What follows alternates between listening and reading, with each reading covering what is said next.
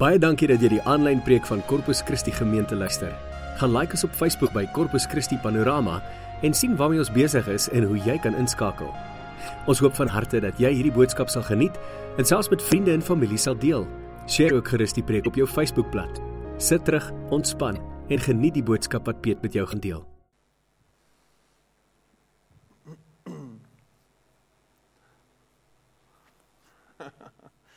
Let's sit and pray. Let's close our eyes. Uh, Heavenly Father, thank you for being here. Thank you for not being far away. Thank you that you're not looking down on us from a distance and you're not in some far off place, totally disconnected to us. But you're here, and through your Spirit, you are with us. We are not alone. And more so, you are in us you dwell inside of us. And that just, that's just mind blowing. Thank you that we're never alone. And I pray, Lord, in this moment that you'll come and you'll just speak to each and every one of us. Just remind us that you are a close God and you know all our fears, you know our heartache, you know our pain, you know our suffering. You're not oblivious to it. And my prayer is that you'll comfort us by your Spirit and that you'll remind us that you love us, Lord. Thank you for moments like these. Amen. So, this past couple of weeks, Matthijs, Matthijs spoke to us about prayer and what it means to pray and what prayer, the, the essence of prayer is. And I, and I loved last week when he and he, when he shared with us how to pray, and he used Matthew 6, where Jesus comes and he teaches these, these disciples to pray, and we know this prayer as the Lord's Prayer. You know it? Have you heard it? Ons Vader wat in die hemel is. Laat U naam geheilig word. Your kingdom come, your will be done. And it just it spoke to me because what, what God does and what Jesus did is He showed us how to pray. We often we sort of feel so dis, dysfunctional in our prayer life. We sort of try and pray and we sort of try to figure it out. And we often think, maybe I'm doing this wrong. And, and what Jesus came to do is he, he showed us this framework of how to pray and what it means to pray. And if you read that prayer in Matthew 6, you'll see something beautiful. And that is that Jesus had a relationship with his Father, which was very interesting because he was God himself. And what he does, he showed us that God hears our prayers and he takes mind, he, he, he's mindful of them. And what he does is he's, he's telling us this is how you pray. So, Heavenly Father, give us today our daily bread provide for us what we need, not what we want, what we need. In, in, in, in bread, it's, it's sort of it's, it's locked up the essence of life. It, it was in those times, days gone by, it was whatever you needed was, was, was captured in bread. Bread was the, it was the basic form of food. God knows what we need more than we know what we need. He knows our needs. But we often come to Him with our wants. We come to Him and we say, This is what we want. This is what I think I need. And, and He sort of, But I know what you need. I'll give you what you need. And what we need to do is we need to sort of zone in on His will for our lives. That thing you want, that thing you think you need, you have to figure out is that really what I need? Or is this a sort of a want that is born from a selfish place? A place where I sort of look at and I think, oh, I deserve this.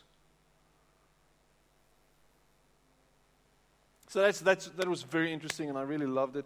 And I think it really it'll challenge you in your faith, and you can go listen to it on soundcloud.com forward slash Corpus Christi Gemeente. Ne? There we go. So, I hope tonight's sermon is, is recorded. Is it recorded? I hope everything is done and everything's right and everything's ready. But I, I want to speak to you about, I want to leave, what, what I want to leave you with is why don't I always feel God? Why don't I always feel God? Just, I want to repeat that. Why don't I always feel God? We often come to church and we think, you know, when we come here, we need to feel Him. We, we, we want that goosebump feeling. We want that feeling where we sort of think, whoa, this was amazing. Uh, it, it, was really, really, God showed up. You know, as if God wasn't with me when I came in here, but He was waiting for me here. And if I didn't come to church, had I not come, I would have missed it. But luckily I was here and I felt Him. He was here, He was present. I felt Him. He touched me. It was spectacular. But we oftentimes, and we don't feel Him. You come to church, you go through the motions, you do the thing, you sing, you put up your hands, you, you sort of jump around, and you sort of, ha, ha. But, uh, but I didn't feel Him.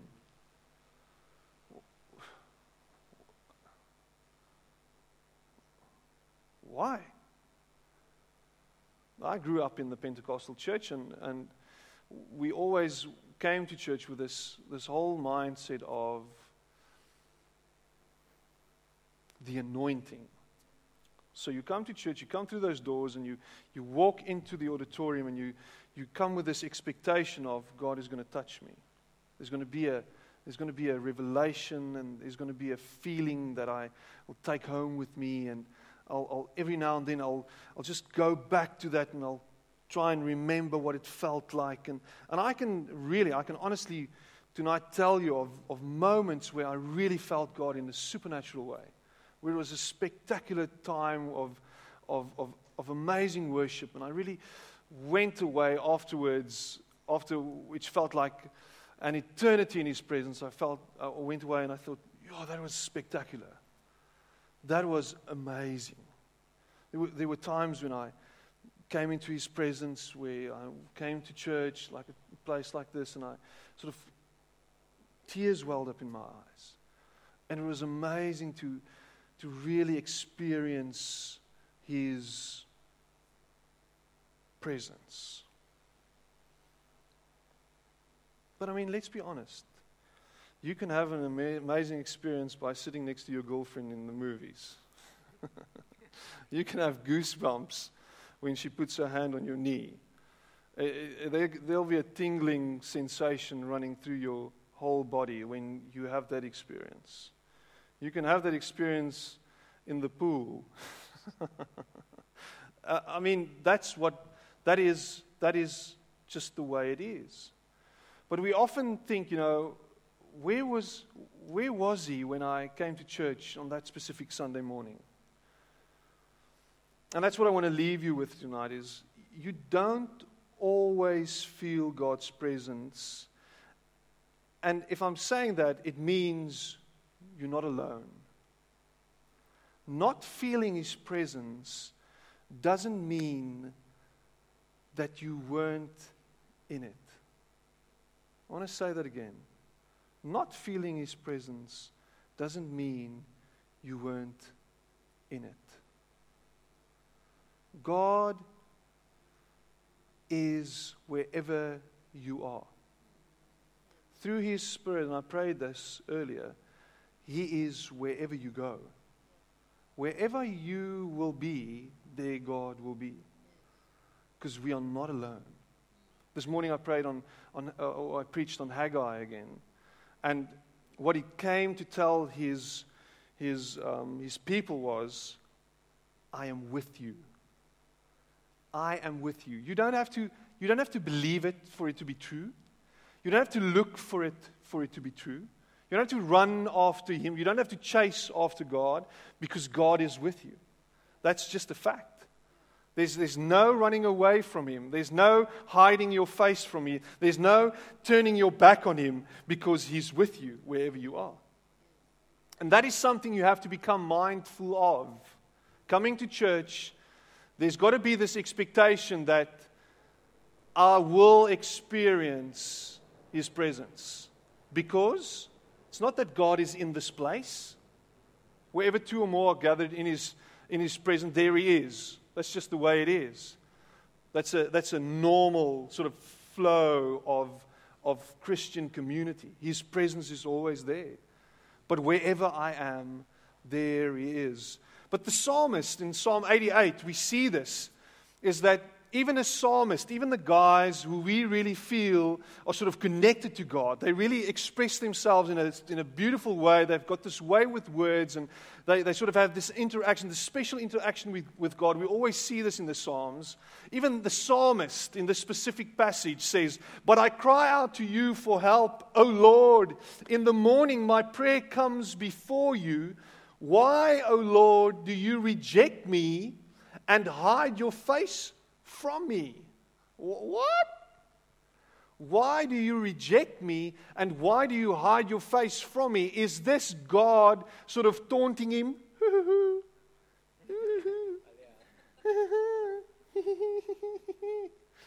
I mean, it's not, it's God playing hide and seek. What's up with that?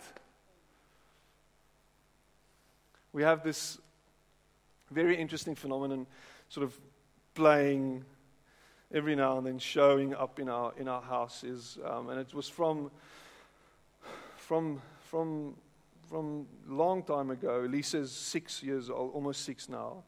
But from, from, from the time she was about 18 months and she could really walk, properly walk, she would hide from me when, I'll, when I when I come home. So she, hear the car, she hears the car come, coming in in the driveway, and when I stop, she, she dashes off. Now we have wooden floors, so I can hear her run down the passage. So I get into the house and I can hear her. And then I'll walk around and I'll say, well, Lisa, was jij? Lisa, Lisa. And then if it takes too long, if I can't find it soon enough, she starts screaming, Papa Isaac! Isaac! And the whole point is, she wants me to find her. And you know what?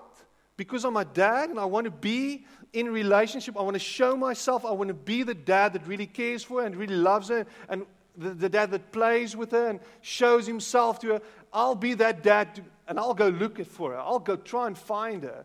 I'll turn the house upside down. And often she, she'll be lying in the bathtub or hiding in the shower, or she'll hide behind the, the, the, the, laundry basket. And, and uh, that would be special times. And I truly and really believe that God knows our need for Him. He knows our need for Him. He doesn't hide Himself. This is the psalmist feeling that God has left him. And there are certain reasons why this is true. And I'm going to share a few reasons why I think this often happens to us. Why don't we always feel God? And the moment we use this word feel, it's so subjective. Because I'll come to the same service that you came to, and I'll say, oh, no, no, I didn't feel God. And you'll say, wow, it was a special and amazing time in His presence. I really felt Him. I really felt Him move. I really felt Him, and I heard His voice. It was spectacular. And I'll say, what? What? Really? Yes. It was amazing.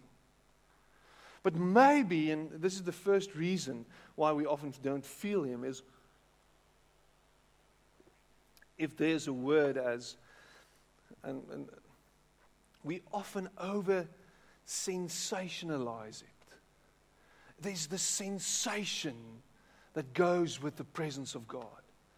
We sort of hyped up in this whole thing. There's got to be fire. And we often get these traditions, these charismatic traditions, where God shows up and, you know what, Piet? We looked up and the next moment, gold dust fell from the sky. It was amazing. And God really showed up. And there was this wind blowing through the auditorium. And God really showed up. And, and you know what? There was this tangible sensation. You could cut the sensation, this, this, the atmosphere, you could cut it with a bread knife. It was so thick with God's presence. Okay, that's interesting. And you read passages where Moses and the and God's people walk around and you see this fire column in front of them, or this, this, this cloud, this column of cloud moving in front of them and leading them through the night. God's presence. But sometimes I believe we're over sensationalizing, sens- sensationalize it. So they asked him, and this is in John 6, verse 3, 30, What miraculous sign then will you give that we may see it and believe you? What will you do? The people ask Jesus. And you know what? The moment you start asking those questions, it's as if he walks away and says, You just have to believe that He's with you. You just have to believe that He is who He says He is. And this is something spectacular. This is something beautiful. And I've thought about this for quite a while. I don't know if you've heard this before. Only faith pleases God. Have you heard that? It's only faith that pleases God. And you know what? So, so that means I've got to have faith and it's not a George Michael song. Faith, faith, faith. You've gotta have faith, faith. But this morning you woke up and you said to yourself, Today is Sunday, and I'm going to go to church. And I'm going to go listen to whatever's said there. And I'm going to trust that something gets said that's really going to speak to me. But even before you came to church, you woke up and you believed and you had faith that you're going to make it to the shower. You're not going to die on your way to the shower. You're not going to fall and break your leg. You're, not, you're going to drink coffee and you're going to believe that you're not going to, you're not going to drown in your own coffee. You, you, you believe that when you get, got in your car, you, you're going to make it to church. You, you, you really drove here by faith. And I believe, and I want to put it to you, that even if you're way far away from God and you think you're not good enough for God, you are living a life of faith. Listen to this. You are living in faith. You believe that you'll leave here tonight and you're going to make it safely home. That is faith in action. That is a life of faith. And that pleases God. And God, I want to say this to you, is pleased with you. You don't have to be a special person to feel God's presence. You don't have to jump through hoops for Him to reveal Himself to you. He has already revealed Himself to you. The fact that you are alive, the fact that you are looking at me, and in this moment, means that God has already revealed Himself to you. Put that in your pipe and smoke it. Because He is real, and you were made in His image. You are good enough. But don't sensationalize it. He is present in this moment. You are in His presence. He has revealed Himself to you. Maybe, and this is an, another reason why you don't feel God, is you are simply totally distracted. You live a life of distraction. I, this, this past week, I was uh, on a retreat with a, with, with a whole lot of spiritual leaders, and one of the guys stood up and he spoke about how distracted we live. And apparently, there's an app that you can download on your phone that tracks how many times you pick up your phone during the day to look at the screen. You don't even have to put on your phone. You don't have to put, press the home button. Just picking it up and looking at the screen, it counts that. And apparently, apparently, we sort of, on average, look at our screens, the screens of our phone, between 80 and 100 times a day. Now, just think about that for a moment. How many hours in your workday? Eight or not? If you work at the church, you only work on Sunday, so that doesn't count. Eight, eight hours. So between listen to this 10 and 12 or 13 times an hour, you pick up your phone, you look at the screen. Because you're thinking to yourself, you know, am I missing out on something? Did I, did I get an SMS? Maybe I missed it. What's happening on Facebook? What, what, did anybody like my picture on Instagram? Yes. Oh, yes, I see. Yes, there's another like. Yeah, there we go. So we, we sort of live with this Am I missing out on something? You are so distracted. We can't focus. We're a generation who can't focus. There's stuff happening in the auditorium. Our minds sort of wander. I'm looking around. I can't focus. We don't have an attention span. We're like Dory in Finding Nemo. And maybe you're simply distracted. You, you're missing God's presence. You're missing Him active in the moment. You're missing Him speaking to you. Listen to this. You're not hearing His voice because you're so focused on a lot of other stuff. Busy with your own thoughts. Instead of opening up your heart and opening up your ears and your mind so that He can speak to you. As Jesus and His disciples were on their way, He came to a village where a woman named Martha opened her home to Him. She had a sister called Mary who sat at the Lord's feet listening to what he said. But Martha was distracted by all the preparations that had to be made. This is found in Luke 10, verse 38. And what happens eventually is Martha's so busy working and busy in the kitchen and preparing stuff for her guest that eventually she storms out of the kitchen and says, Lord, just say something to Mary because she's not helping me. I'm busy working my butt off and she's sitting at your feet. What's up with that? It's unfair. And Jesus is sort of, but you're missing the point. I'm here, but you're there. Why can't you see me? Why can't you be with me? You are doing things you think I need to be done. But you're missing the point. And we're so busy with doing a whole lot of things, and, and us professional Christians, those who work in church, often find this. We miss Him because we're so busy with His things, with the things we think are important. But it's so important that when you come to a place like this, you lose yourself in the moment and you focus on the here and the now and you listen to Him because He's speaking to you. And maybe that's something that you need to practice this week.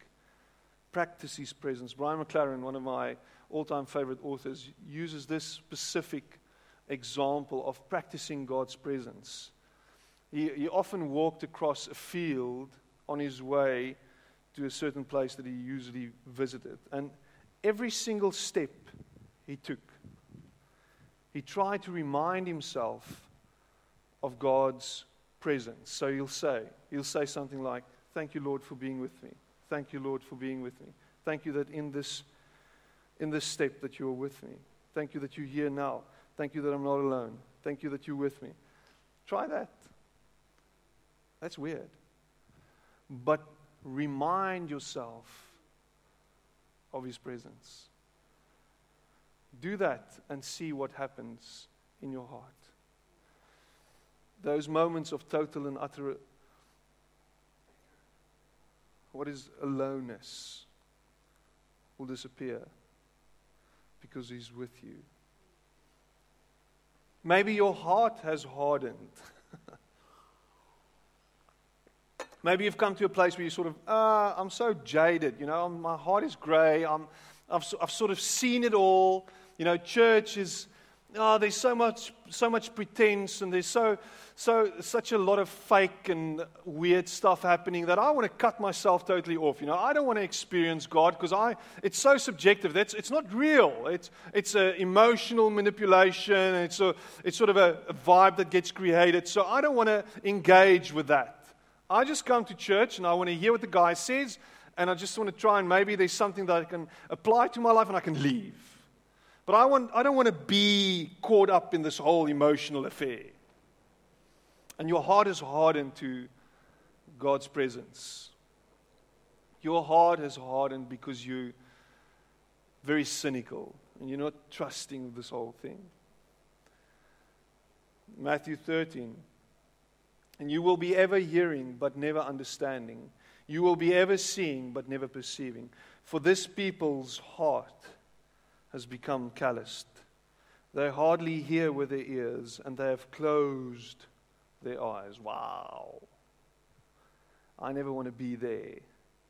I would never want to be at that point where my heart is so calloused and so hard that I'm not sensitive to His voice and to His Spirit nudging me and engaging with me and pulling me in a, in a, in a direction of total and utter deliverance and laying myself down and giving myself to Him. And maybe God has pulled on your heartstrings already tonight. And something happened, and you sort of, but isn't this just me sort of uh, imagining things? But maybe it's God pulling you and speaking softly and engaging you and inviting you and saying, Come, come. I want to draw you close to me. I want to pull you in. I want to be in a relationship with you. Don't harden your heart because God didn't answer your prayer. Don't harden your heart because someone hurt you in church or whatever. Open up your heart and say, God, I want to be open to you. C.S. Lewis, and I've, and I've quoted this before, but he speaks about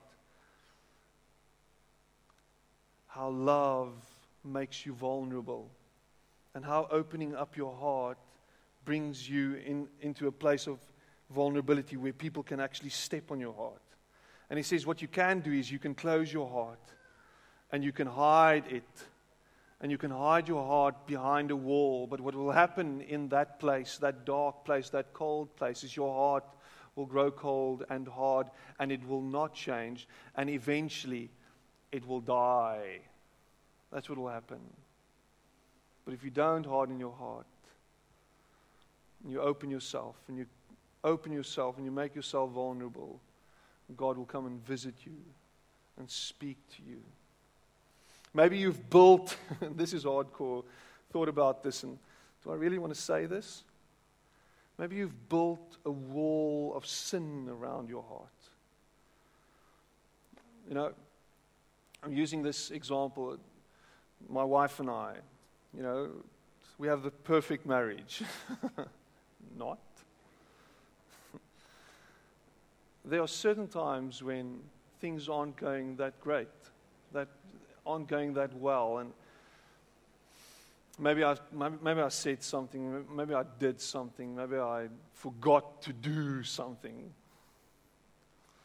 Um, but, you know, not doing a thing or doing something doesn't make me, you know, not her husband anymore. If you can hear me, follow me.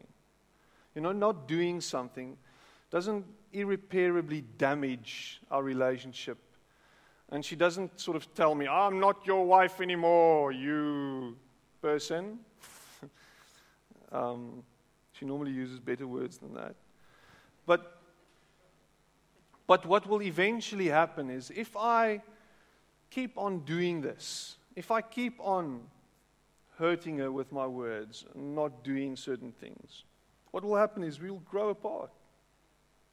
And between us, this wall will be built this wall of resentment, of broken promises. Eventually, we'll sort of rise up. And eventually, we'll, we'll drift apart. And we'll become strangers to each other. Our hearts will grow cold towards each other. And maybe your sin, those things that you know are wrong, and that you just keep on doing and never, you sort of never put them before God and say, you know, I'm sorry about this. I want you to do something about this. I'm giving this back to you. I, I, don't want to be involved with these things anymore. I want these skeletons to be gone and buried. Please sort them out. Maybe it's time you start getting rid of all those things. And you start laying them before Him. And don't, put yourself in a place where you say, "Oh, you know, I don't, I don't know, I don't think there are such and so, so there are those kind of things in my life." You know, Piet, I've, I've really grown a lot spiritually. You know, I'm really, I've become so mature in my faith. You know, I'm so just so glad I'm not where I was five years ago. You know, I've just grown. Uh, you sound like a Pharisee because you are a sinner saved by grace, and we need to lay down these things. We need. Listen, the Lord is not too weak to save you, and He's not becoming deaf. He can hear you when you call, but there is a problem. Problem. Your sins have cut you off from God. This is Isaiah 59, verse 1 to 2. It's time. What is is bely in Engels? Bely. Confess. Confess. Just put it out there. I confess, Lord. I want to lay it down. Maybe you don't know God. You don't feel Him because you don't know Him. John 7, verse 28 to 9 to 29. You don't, you don't know Him, but I know Him because I am from Him and He sent me. This is Jesus. You don't know Him, but I know Him because I am from Him and He sent me. Wow. I love this. You don't know him, but I know him because he sent me. Have you ever given your life to him? Have you ever handed over the steering wheel of your life and said, Lord, you know what? I don't want to be in control anymore. It sounds like such a cliche. But we often think we've given our hearts to Him. But giving your heart and giving your life is two different things. Giving your life over to Him means that He takes control of every single facet or phase of your life, every single thing you give over to Him your finances, your marriage, your children, your job, the way you interact with the whole world gets handed over to Him. And in that, you start learning how and who He is. You start seeing who He is. He starts to show you how to trust in Him, how to believe in Him, how to give over yourself to Him. So, one or two things that He promises, and I'm almost done. Maybe you've heard this. Jeremiah 29, verse 13 to 14. You will seek me and find me when you seek me with all your heart. I will be found by you. You will find God when you seek God. God will not hide himself from you. If you come with an honest heart and with an honest longing for him, he'll show himself to you. If you really come with a burden of wanting to know Him, He'll show Himself to you. How do you do that? You do it by praying, by sticking into the Bible, by, by looking and seeing what He says about you and about Himself, by studying the New Testament and the Gospels and who Jesus is. You'll see Him by coming here on a Sunday and joining other um, believers in worship. He'll show himself. You'll start seeing him in your daily lives. Wherever you go, you'll start seeing his footprints and his fingerprints in your life. You'll start seeing amazing stuff happening around you, or your eyes will start opening for them. And you'll see God, maybe for the first time. We, what is very interesting, what is really insane to me, and I've just pondered about this this week again, is as we're sitting here, there are airwaves, waves sort of going through us, carrying signals. Have you thought about this? If I stand here and I put up a radio with an aerial and I tune in, I can hear 5FM right here. It just blows my mind. Have you thought about that? Signals carrying music, carrying people's words, signals sort of it's magic. But I need to tune into that. I need to open up something. I need to put up an aerial. You need to put up an aerial in your life where you can start hearing Him, where you can start experiencing Him. You can do life with God's presence. And I will ask the Father, and He will give you another counselor with a capital C who will never leave you. He is the Holy Spirit who leads into all truth. The world at large cannot receive him because it isn't looking for him and doesn't recognize him, but you do because he lives with you now and later will be in you. John 14, verse 16. Jesus speaking to his disciples. You will see him living inside of you and he will be in you. How crazy is that? He is here. Are you, are you believing that? Do you believe that He is with you? Do you live in faith? Do you live by faith? Are you with me, Lord? Are you with are you really with me? Try doing that and start seeing him. You can experience God right now. And this, with this I end off. God did this so that men would seek him and perhaps reach out for him and find him, though he is not far from each one of us. Acts 17, verse 27. God is not far away, God is with us.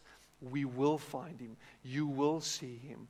But there's got to be this longing inside of your heart to really engage with him, and he'll show himself to you which is amazing. God is real, He is tangible, He is alive and well. He is not something we dreamed up, He is not dead. God is alive and He's here, and He wants to be in relationship with you. Start living in faith and living by faith and start hearing His voice and opening up yourself to His Spirit directing you and showing you how to live. You hear His voice daily. I don't know if you know this. You can hear Him. Every single day you've heard His voice. No, I, don't hear God's voice. He's speaking to you every single day. In every single situation, there's an option. How am I going to approach this? How am I going to do this? And it's always the right option. And often, the option you have to take is the most difficult option speaking the truth, being real, being honest, forgiving, speaking in love, sacrificing yourself, be second instead of being first, laying down your wants and your needs in every single situation, living a life of sacrifice. That's God speaking to you and showing Himself to you in Jesus Christ. Let's close our eyes and pray. Maybe you're struggling in your relationship with Him. And you, you, you struggle to feel Him, but at the same time, you're struggling just to know that He's with you. You, you often feel alone.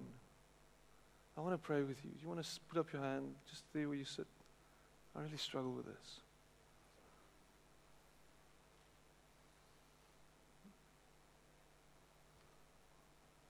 Lord, you're with us.